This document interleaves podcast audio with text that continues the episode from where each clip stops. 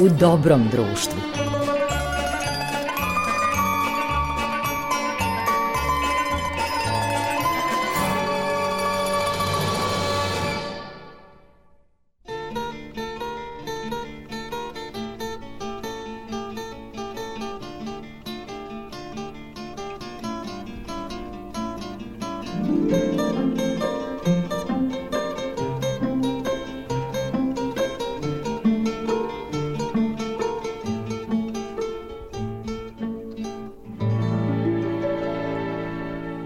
Slušalci, slušate emisiju U dobrom društvu na talasima prvog programa radija, radio televizije Vojvodine.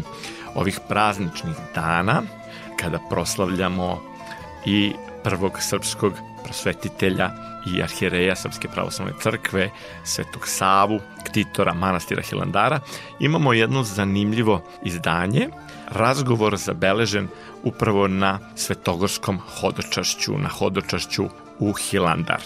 Prilikom jednog od svojih pokloničkih putovanja upoznao sam oca Miodraga Todorovića, sveštenika u Konjevićima pokraj Čačka. Mislim da će ovo biti vrlo zanimljiv razgovor jer razgovarajući putujemo i od Hilandara ka Uranopolisu. Srećan vam sami dan i uživajte.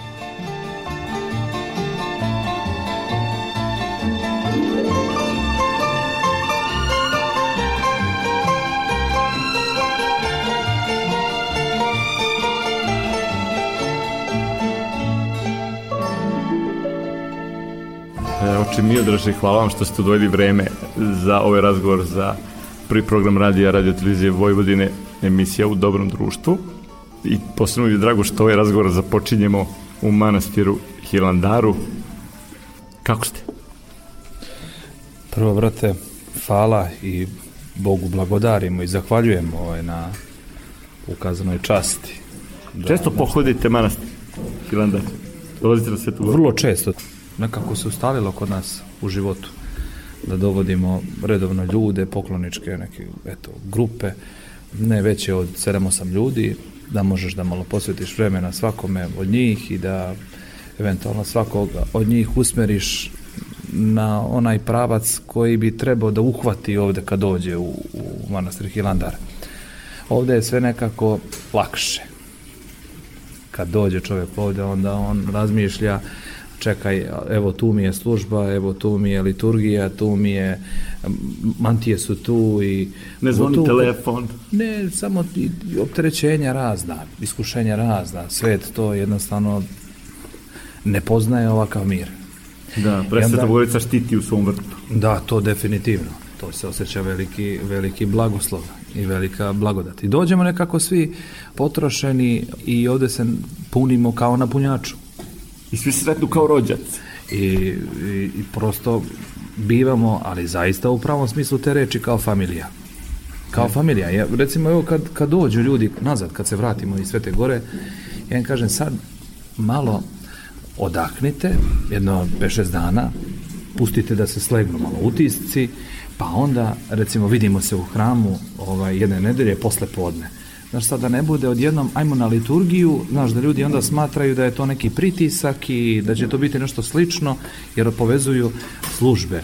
Ovde je recimo služba, evo jutro 4 sata i 15 minuta trajala, uh, da li će biti to tamo i kod oca, toliko služba, ne mogu ja onda ići na toliko dugo ove služba. I onda rekaš, ne, ne, to je posle podne, uveče, kratka molitva i onda ćemo da se malo prisetimo onih naših pohoda kroz Svetu Goru manastir Hilandar i obično ih odvedem, povedem ih tu i pokažem riznicu i malo pirk e, Svetog kralja Milutina, pa dole Hrusiju, pa malo vinariju, pa vinograd, pa ovde riznicu, pa eto odemo i u kosturnicu i to je sve onako za njih čudo i veliko iznenađenje, ali opet s druge strane ovaj ljudi e, su navikli da primaju informacije treba sad gledati nekako pravu meru naći i dozirano davati.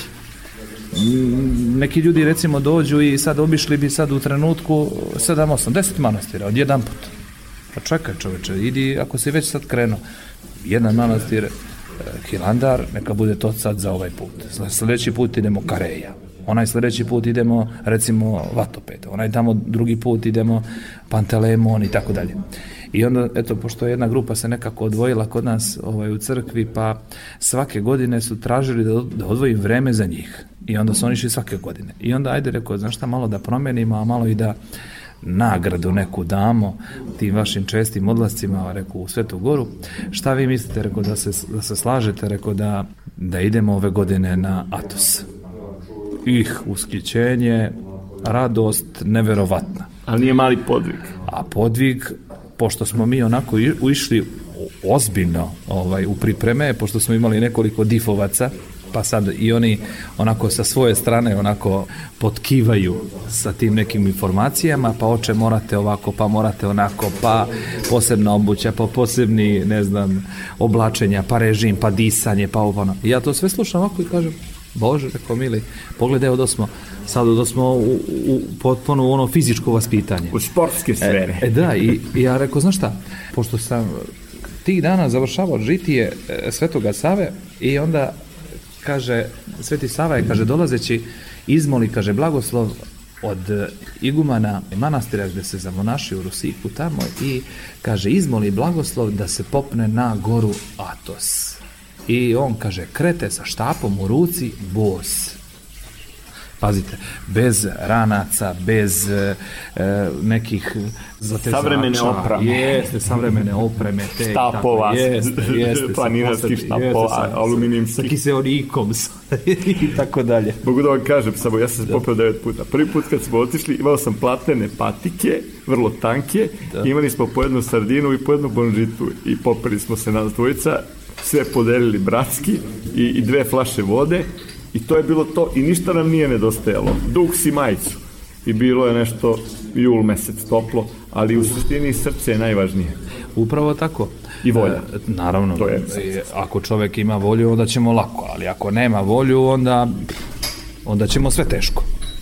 Ovaj, mi smo krenuli na taj uspon, hvala gospodu naš osam i išao je moj sin tada, ja sam baš razmišljao onako o, o njemu kako će to dete se popeti ovaj gore s obzirom da je e, sedmi, sedmi, osmi razred je bio.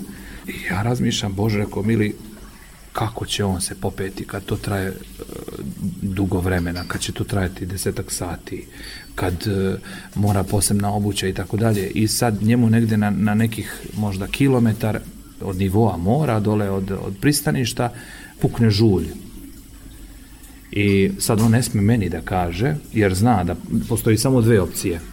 Jedna je da se vratimo nazad, jedna je da njega ostavim, a ja da nastavim. Kuću ja sa dete da ostavim, sa kim će on da ostane, sa kim, gde će da se vrati. I onda smo, ajde rekao, Bože pomozi, a on, a on kaže ovim našim prijateljima, Znaš, samo nemoj tati da kažeš da, da se slučajno eto, ne, ne, ne naljuti, ne, da se ne rastuži, ne znamo kućemo i ja to kad sam video kakva je njemu, kakva je njemu ovaj rana, na, kakva je njemu, kakav je žulj strašan, ja onda naravno skinem svoje cipele i pošto je nosio isti broj kao ja, danas su ta deca jednostavno taka ovaj, brzo rastu, velike noge, on sad već recimo ima broj nosi 48, a ja 43. I višli je, i višli je od, od mene za, za jednu glavu. Evo vidio je ovaj brat, naš aca. I ja njemu dam svoje cipele, a on meni svoje. I onda se setim vojnih nekih svojih ovaj dana, kad sam bio u vojsci. Veština. No, veština. Setih se, ma znaš šta, ja ću da obujem one vojničke čarape. I to ne jedne, nego dva para. Od jedan put. Jedno na drugu. Jedno na drugu i zategnem jako cipelu, cipelu tako da, da upravo ova noga ne može da šeta unutra u cipeli. I onda tako krenemo i mi smo se, hvala Bogu, popeli tamo 16. septembra ujutru, negde je bilo oko pola sedam. Odmorili smo neka dva, tri sata gore na Panagiji i onda smo taj poslednji, ajde kažem, napor, ovaj jedno dva sata, dva i po, koliko je trebalo da se to savlada, onaj najteži uspon i popeli se gore. Bogu hvala, na tom daru i na tom zaista velikoj radosti. Ovaj, mi smo poneli utiske, nikad ih nećemo zaboraviti. Evo, to je bilo 2018. godine.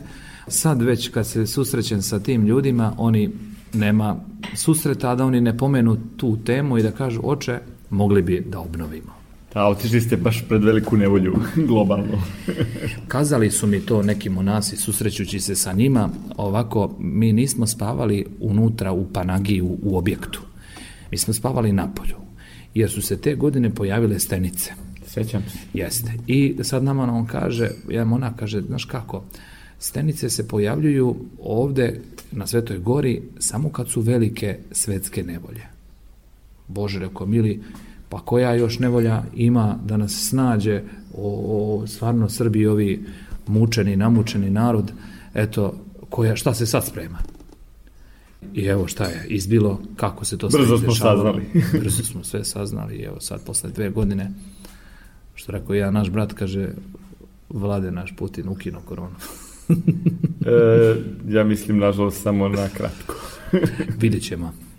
Vidjet ćemo. Ali, da, e, Mi, na nama je da se molimo. tako je, na nama je da se e, da, molimo. da Bog svoju ruku umeša. Upravo tako, jer bez, pazite, bez volje Božije i bez Božijeg dopuštenja e, ni đavo ne može da dejstvuje. E, imate priču o pravednom Jovu. I tamo ako kaže e, đavo dolazi, izlazi pred Boga i traži dopuštenje, pusti me da mu ja malo skočim za vrat. Da vidiš kako će da te tvoj Jov odma ostavi i veru će da zaboravi. Samo ga, me pusti malo da ga ja stisnem. A gospod blagi kaže, idi, ali mu se duše ne dotiči. Vidiš, gospod dopušta da se dogodi nama zlo, ali da se duše naše ne dohvati. A on kako njemu blagodari, vidite pravedni ovo, vidite duša, kakva, kakva duša, kakva veličina, kakvo srce. Kaže, Bog dao, Bog uzeo veliko ime Božije, neke blagosloven Bog. Pa dakle, to, to, to su zaista ove reči koje ne može da se izgovaraju, a da tu Duh Sveti nije već posejao dobro seme. E tako isto i ovo naše življenje ovde. Malo se više oslanjamo na svoju volju, ali da Bog umeša se kad je teško. Mi ćemo dotad sami. Mi umemo, mi umemo bolje, kako to naš narod voli da kaže. Mi ćemo bolje, a eto, Boga neka tu, pa kad zatreba, lako ćemo ga onako. E sad, Bog da pomogne blagoslovi. Hvala, čućemo malo muzike pa nastavimo razgovor. Amin.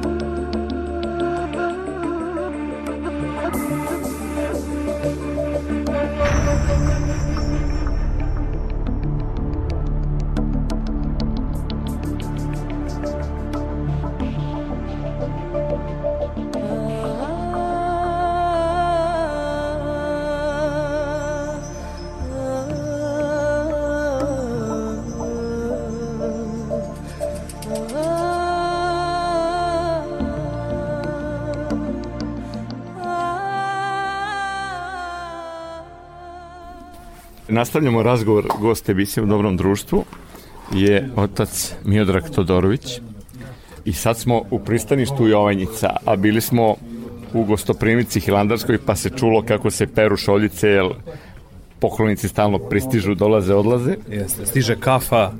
Tako je, stiže cipura, rakija. I evo, započeli smo tu neku temu aktualnog vremena koja mi se čini da je možda i najteže kod ovih generacija koje su danas ili mlade ili u punoj snazi ili možda čak i u nekom zrelijem dobu. Ove koje su mimo išli neki raniji ratovi. Ako ne uzimamo ove poslednje 90-ih. Ali čini mi se da je vreme možda i komplikovanije nego u vreme ratova ovih naših ovde lokalnih nesretnih istradanja i, i možda čak i teže nego, nego vreme bombardovanja. Pa, slažem se sa tobom, brate. Ovaj, mislim da je danas široka ponuda da stradanja. E, pa ne samo stradanja, nego đavo iznosi mnogo veliku ponudu pred, pred ljudske duše. Postavlja kao ono švedski sto. I sada prosto nema tu više mesta igla da stane nego ideš od, od greha do pada, od pada do stradanja, od stradanja do muke, od muke do e, zaborava, od zaborava do, do zla, sve crnje i od crnjeg i gore od goreg.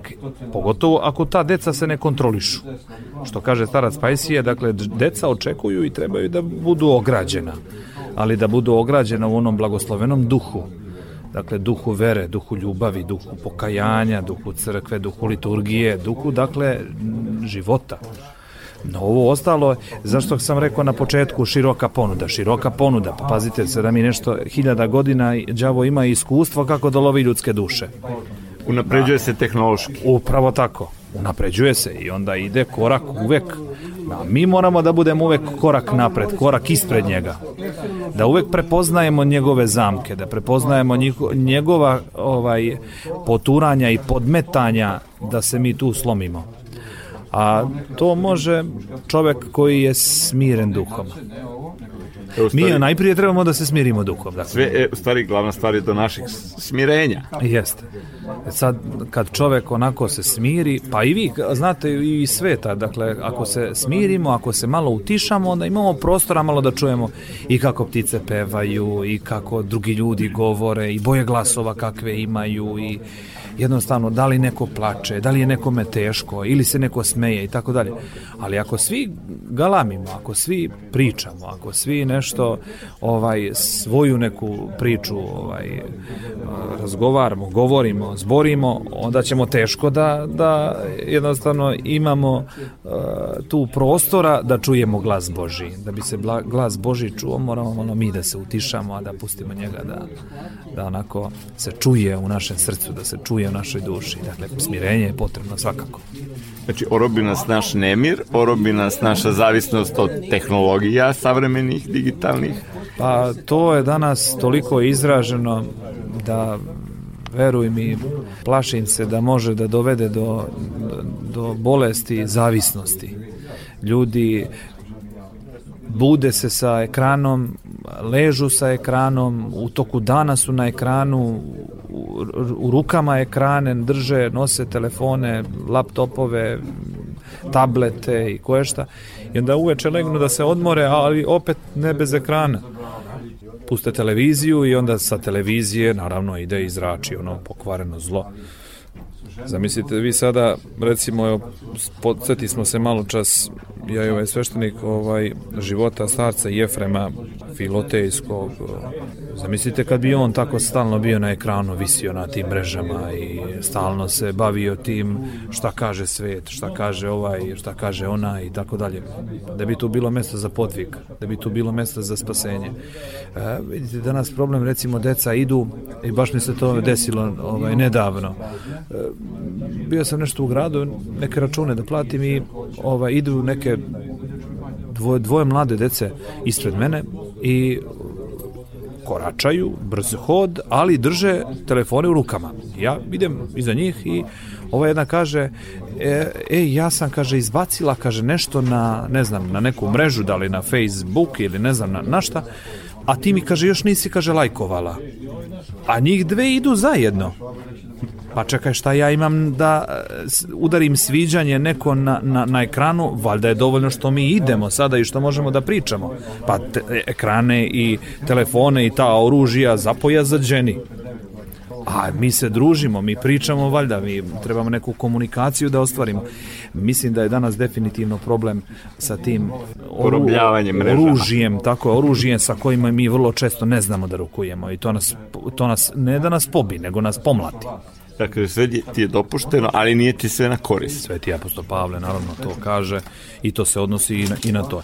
Čuo sam, sad ne znam koliko je to istina, da, da postoji negde u Kini, da postoje klinike, dakle, centri, bolnice za odvikavanje od mobilnih telefona i od igara tih igrica. I to ima i kod nas već pojedine ja, agencije. To, to stvarno, ali to je užasno onda stanje. Onda je zaista užasno.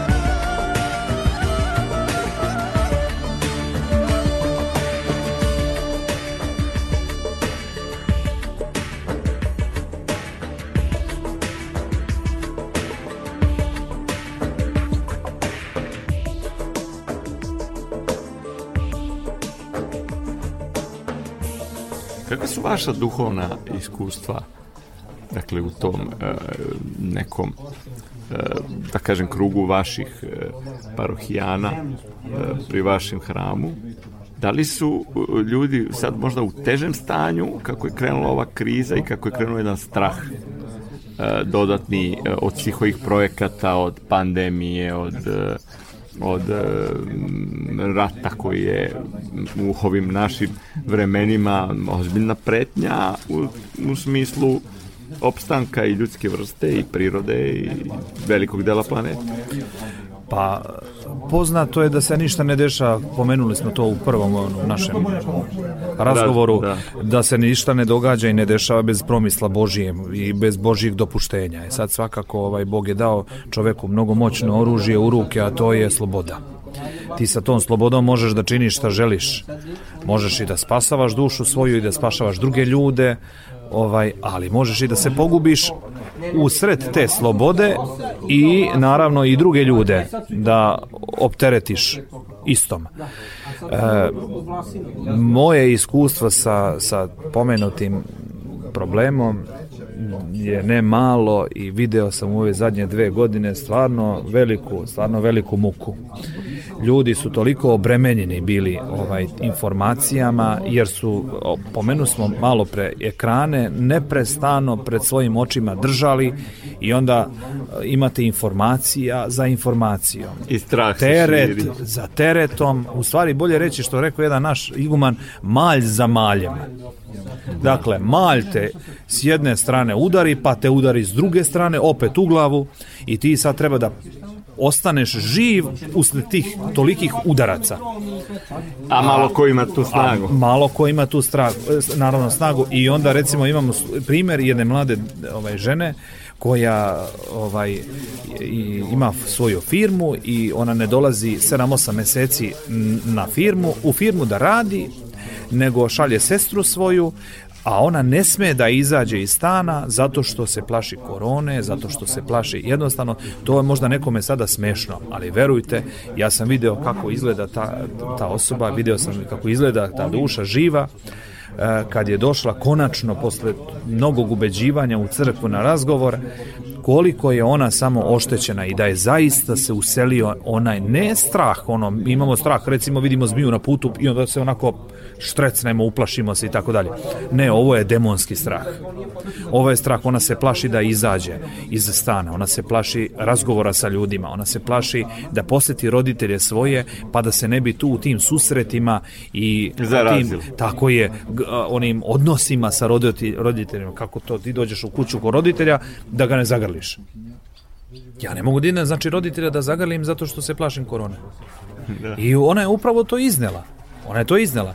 Dobro rekao, ajmo sestro mi ovako da idemo mi u jednu drugačiju ovaj sferu razgovora, priče, života. Ajmo mi prvo da pročitamo jednu molitvu.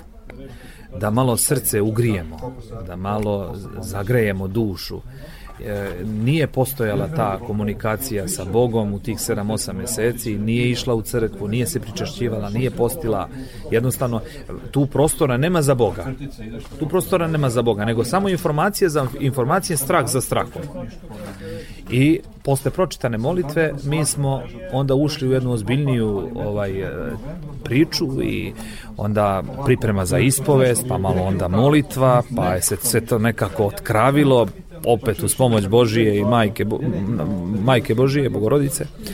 I ovaj i ona je prihvatila naravno ovaj da drži to pravilo 40 dana i onda naravno i ispovedala se i pričestila se i, i ovaj prihvatila još neku duhovnu literaturu da malo uzme da pročita kući i onda je konačno vratila se na posao i počela konačno da živi neki normalan život kažem, što manje na televiziju, što manje na mreže, što manje na telefon i na te ekrane. Što manje, što manje, što manje. Dakle, druži se, živi, voli i praštaj. Jeste. Ja sam setio jedne bake koja ne izlazi od početka ovaj, e, od početka covid i, i ima 94 godine, drži masku s čuči u stanu i spremna je tako da vegetira do kraja života. To je ropstvo. To je ropstvo. A gospod nas poziva da budemo slobodni. Gospod nas poziva da budemo s, e, u toj slobodi da volimo, u toj slobodi da praštamo, u toj slobodi da se spašavamo. Dakle, ali opet sve u zajednici sa njim. E, ne možemo da kažemo zajednica, a ja sam se zatvorio u četiri zida i kažem ja, eto, volim Hrista, ja volim sav svet, ali ja ipak ne bih da izađem iz ovog svog nekog životarenja, bolje reći, nego, nego života. To nije život. To nije život. To je, dobro si rekao, vegetacija.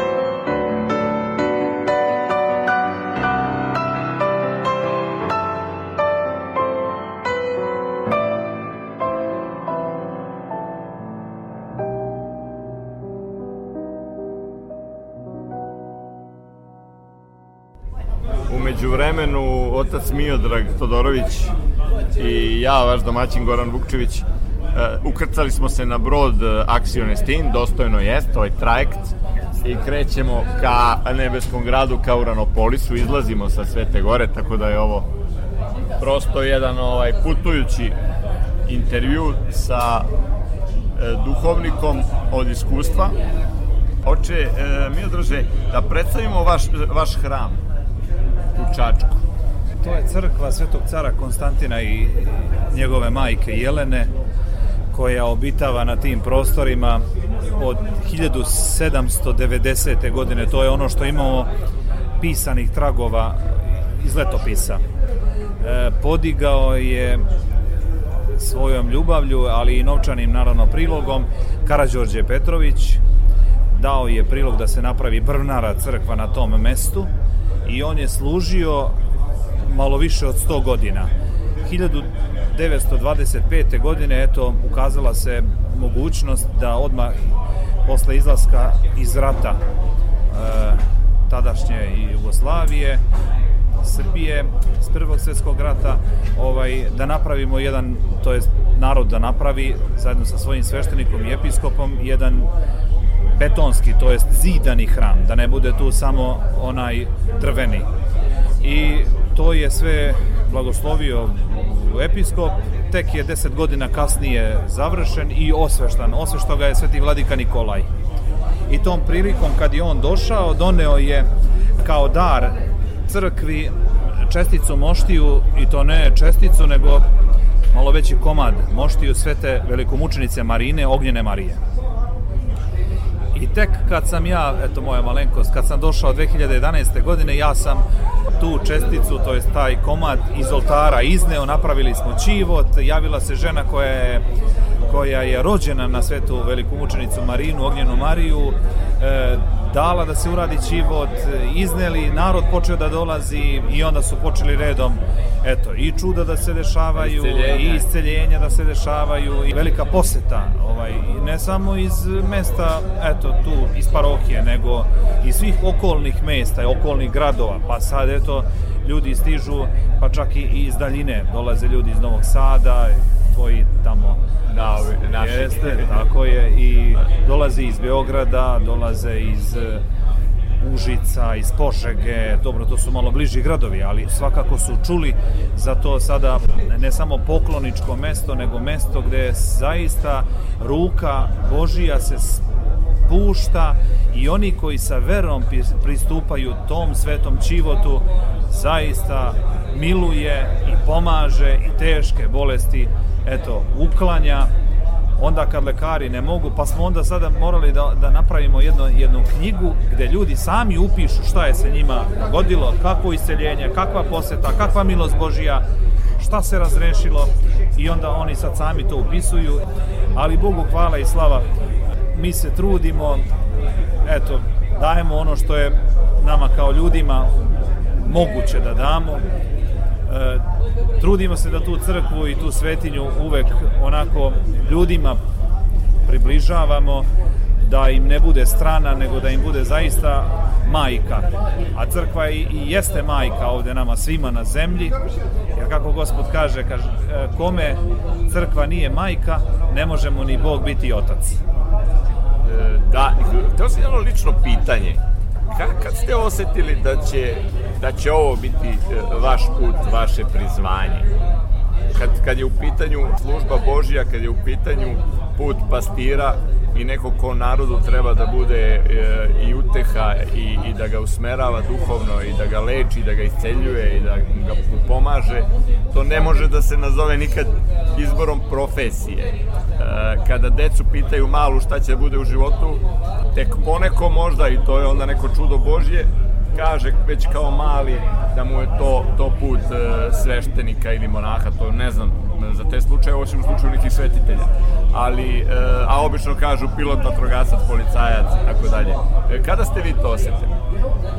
A ja sam to još kao mali ovaj, imao neku želju, do duše tu je otac malo sugerisao, on je pisivao bogosloviju, pa nije uspeo da završi i onda je on tako malo inicijativno ovaj, jeste, kažem, šta ti misliš da to upišeš, što se rodilo negde već u šestom razredu krajem? Sedmi razred već ja sam bio u crkvi, osmi razred ja sam bio za pevnicom, tako da već onako, onako sam krenuo ozbiljno, Bog otvori Kragujevačku bogosloviju, da ja se tamo nekako obretnem kod Vladike Save Šumadijskog i eto, posle dalje put kroz fakultet, onda posle kroz, eto, e, suprugu Milicu, pa onda decu Andreja Saru, kasnije Tatijanu, pa onda e, đakonsku službu, e, pored dakle, Vladike Krizostoma, troje dece. Troje. Troje dece. Ovaj, tako da, evo sad, parohija ovde u Konjevićima već traje e, to služ, služenje gospodu 12, skoro 12 godina u činu sveštenika, a šest i po godina sam bio pored episkopa Hrizostoma, tu sam eto, provodio neke dane ovaj, đakonstvujući, a služba to je đakonska služba je divna služba, jako lepa služba. Samo što, eto, brzo se završi.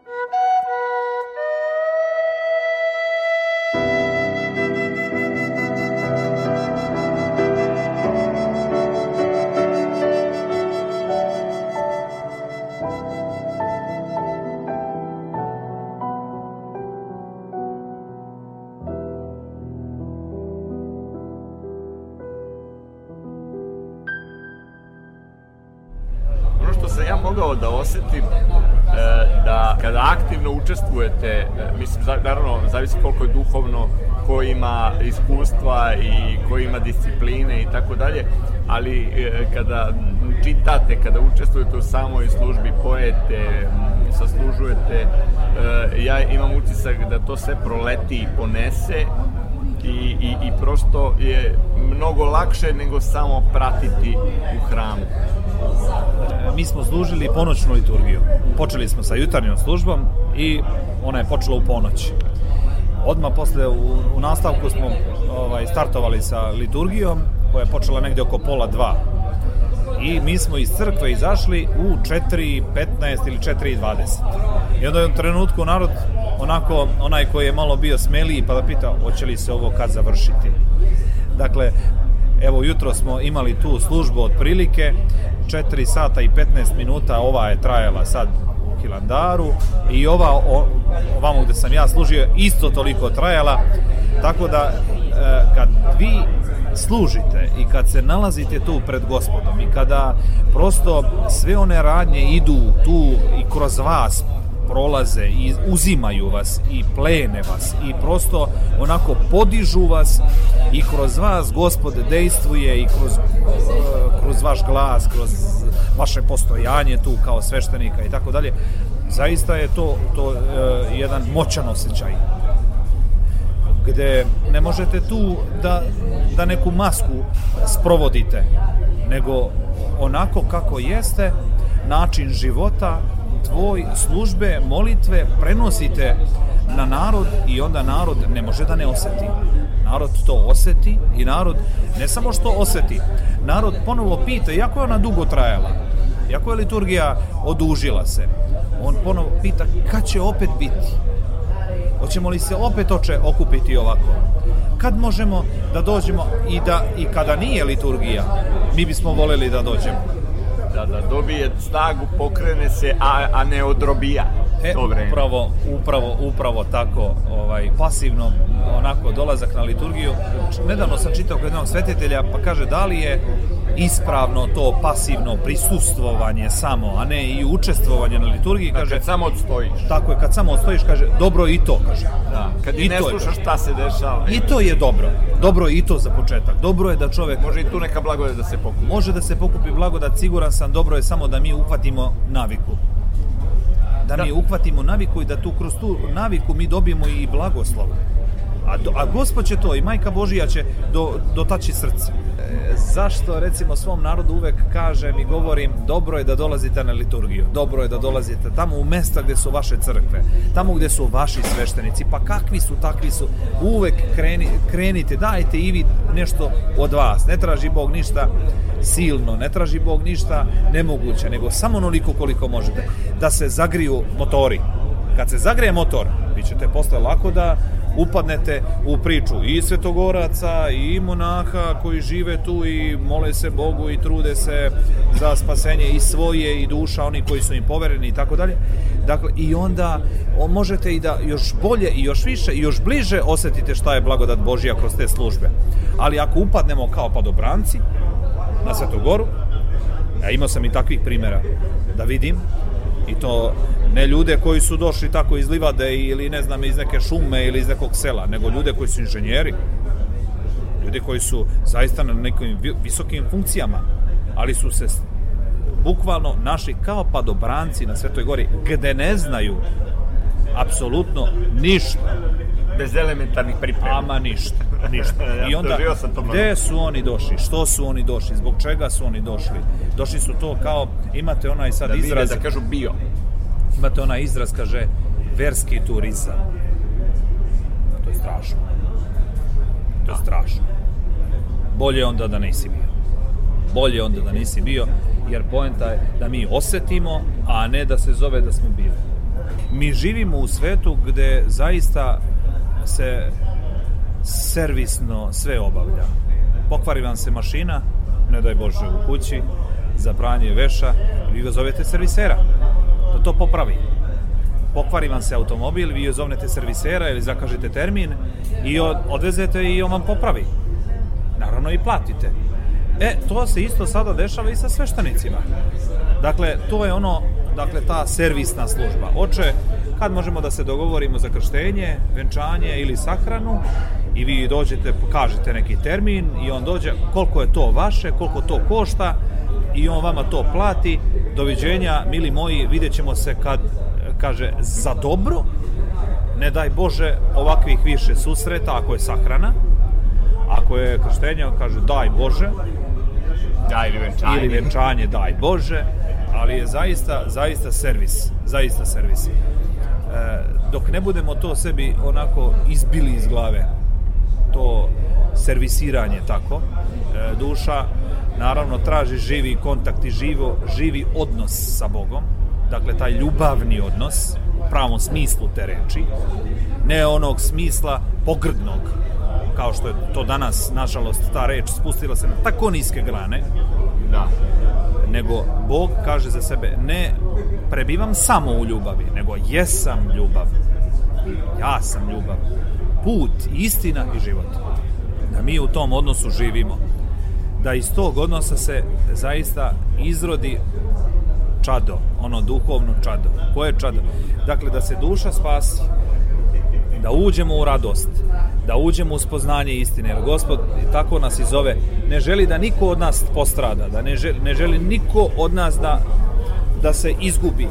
Kaže, čitava se nebesa raduju za samo jednog grešnika kada se kaje. To je, to je zaista tolika veličina, tolika ljubav da se ne da iskazati rečima. Sve to Gospod pokazao nam. Tako da dolazak ovde na Svetu Goru, sve je to da nas podsjeti na njegovu ljubav, na njegovo žrtvo, na njegovo stradanje, na njegov pravac, na njegov put. Dao nam je tu duhovnu navigaciju u ruke da se mi sa njome, dakle, upravljamo. Mapirano je sve i da mi jednostavno ne zalutamo u ovom svetu. Može čovek da se spašava, nema veze što je reditelj, nema veze što je policajac, nema veze što je doktor, nema veze, nije nigde e, napisano kao za obavezno da se samo sveštenici i oni u mantijama spašavaju, to nije tačno. Obično kaže, kaže Sveti Jovan Zlatousti, kaže da se jedan e, od hiljadu sveštenika spase. Zamislite sada kolika je ta brojka. E zato moramo mnogo da pazimo onima kojima je mnogo dato, mnogo će se i tražiti. Nema, verujte, nema odgovornije službe na zemlji od toga da neko primi čin sveštenika i da takav način života sprovodi u ovom mnogometežnom e, životu i svetu. Da, jako mi je drago da ste ovo rekli, pošto se, ovaj, mi smo prosto u, vere, u vremenu gde ceruje površnost, pa se sve banalizuje, pa i sveštenička služba. Naravno, kako da ne. E, da ne govorimo sada, otišli bi mnogo dugačko, onda i u široko, o vremenu u kom smo proživeli, doživeli, ja sam to malo vreme i uh, zakačio 80, ja malo više. O, jeste, za, 80. godine i tako dalje, vreme komunizma i tako, onda ćemo otići u dužinu ovaj, nego samo da to spomenemo kao jedan pritisak, kao jednu stegu na ljudsku dušu, na pravoslavlje. Ali je to pravoslavlje i tekako izrodilo, e, znate, znaš kako nastaje dijamant? Na velikoj dubini, pod velikim pritiskom. Nisam. Zaista tako ljudske, ljudske duše ovaj tako nastaju. Postaju dijamanti. Postaju dijamanti, postaju svete. Evo imate, imali ste starca našeg Justina Ćelijskog koji je, eto, znamo kako je stradao, kako je bukvalno isteran sa Beogradskog univerziteta i sa fakulteta u onu tamo kako je Ćelijsku, tako je, Sukovo, naravno.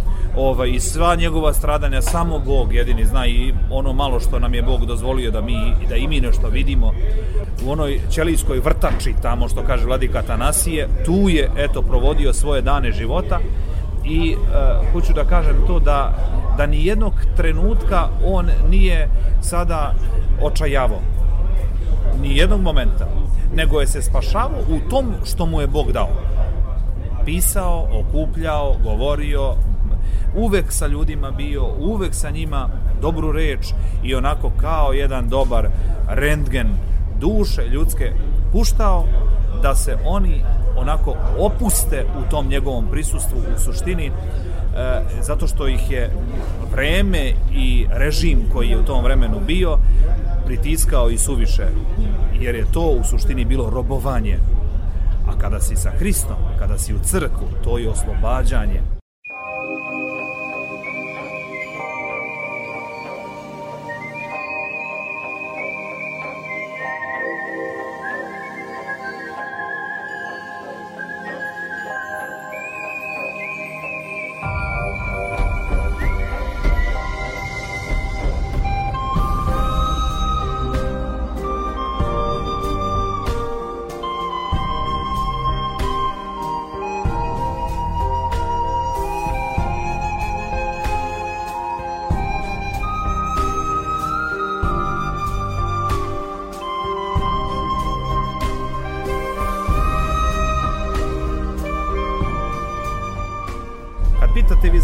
zarobljenika i pitate recimo zatvorenika šta bi najviše voleo, a on kaže najviše bih voleo ne dobar auto, kuću, neku besnu platu i tako dalje. Samo da budem na slobodi. Samo da budem na slobodi. Ne treba ništa, sve ćemo lako. To je ono, dakle, zdravi ima hiljadu problema, bolestan samo jedan. Samo, samo da budemo na slobodi, da budemo u društvu, da budemo sa Hristom, da budemo s Majkom Božijom, da budemo u crkvi Božijoj, sa, eto, sa prijateljima, ali sad to ljudi koji su pravi prijatelji. Treba da i to malo ra, onako raščlanimo. Prijatelje uvek treba da držimo blisko, a neprijatelje još bliže. Tako da mi u suštini neprijatelja i nemamo. Mi najveći neprijatelj je ovde, ovde u nama. Sami sebi. Ovde u nama. Pobediti, pobediti dakle sebe, samo pobediti prohteve svoje. Pobediti svoju volju. To je znate ko, ko je to uspeh? To je uspeh Sve, Malo ko to postigne. Sveti, sveti Justin, evo, pobedio svoju volju. Sveti Vladika Nikolaj pobedio svoju volju starac Jefrem, arizonski, filotejski, pobedio svoju volju. Sveti Vidite, nektarije. Sveti nektarije, pobedio svoju volju. Sveti Trifun, evo, celivali smo mošti, pobedio svoju volju.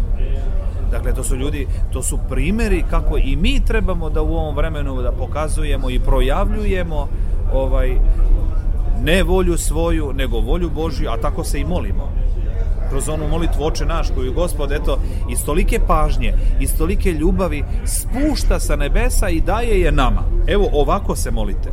Evo vam, ovo vam je pelcer, ovo vam je molitva. Ovim pobeđujte.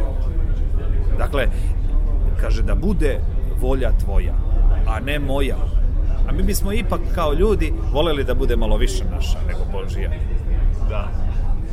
Da, ovo su divne reči u stvari za, za sam kraj ove emisije, pošto je vreme za razgovor isteklo, a verovatno bismo imali još dosta toga da kažemo i o praštanju, ali mislim da smo suštinske stvari ipak uspeli da pomenemo. Pa jeste, brate Gorane, evo, mi smo tu gde jesmo, pozvani smo, možda bi neko voleo da živi u nekom vremenu drugom, možda bi voleo da se rodio pre 50 ili, ili pre 300 godina, ali Bog je odmerio tačno vreme koje u kom trebamo mi da postojimo, e, kao ukras e, sveta, on stvara čoveka i taj ukras treba nešto da učini, dakle čovek treba da učini i on nešto, a šta je? Da proslavi ime Božje ovde na zemlji. Mi treba da proslavimo ime, ime Božje na, na zemlji, a ne da mi proslavljamo sebe i to će učiniti Bog, ne da se mi mešamo u njegov posao. On to najbolje zna.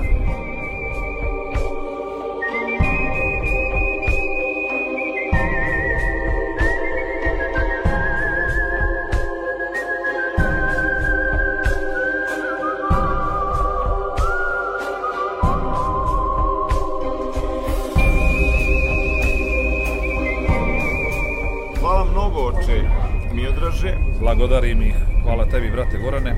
Bilo mi je čast i veliko zadovoljstvo i drago mi je što evo ovaj razgovor ovde završavamo. Verujem, razgovor samo koji smo zabeležili ovom prilikom, završavamo ga na, na trajektu koji ide ka Uranopolisu i nadam se da ćemo se uskoro sresti recimo u Čačku, a ako Bog da zdravlja e, i trajanja, pa da se susretnemo i po svetogorskim svetinjama kao recimo sad. Amin, Bože, daj sve u vremenu, a ka večnosti. E, Da gospod da snage, što bi rekli Grci, kali dinami i svako dobro. Amin.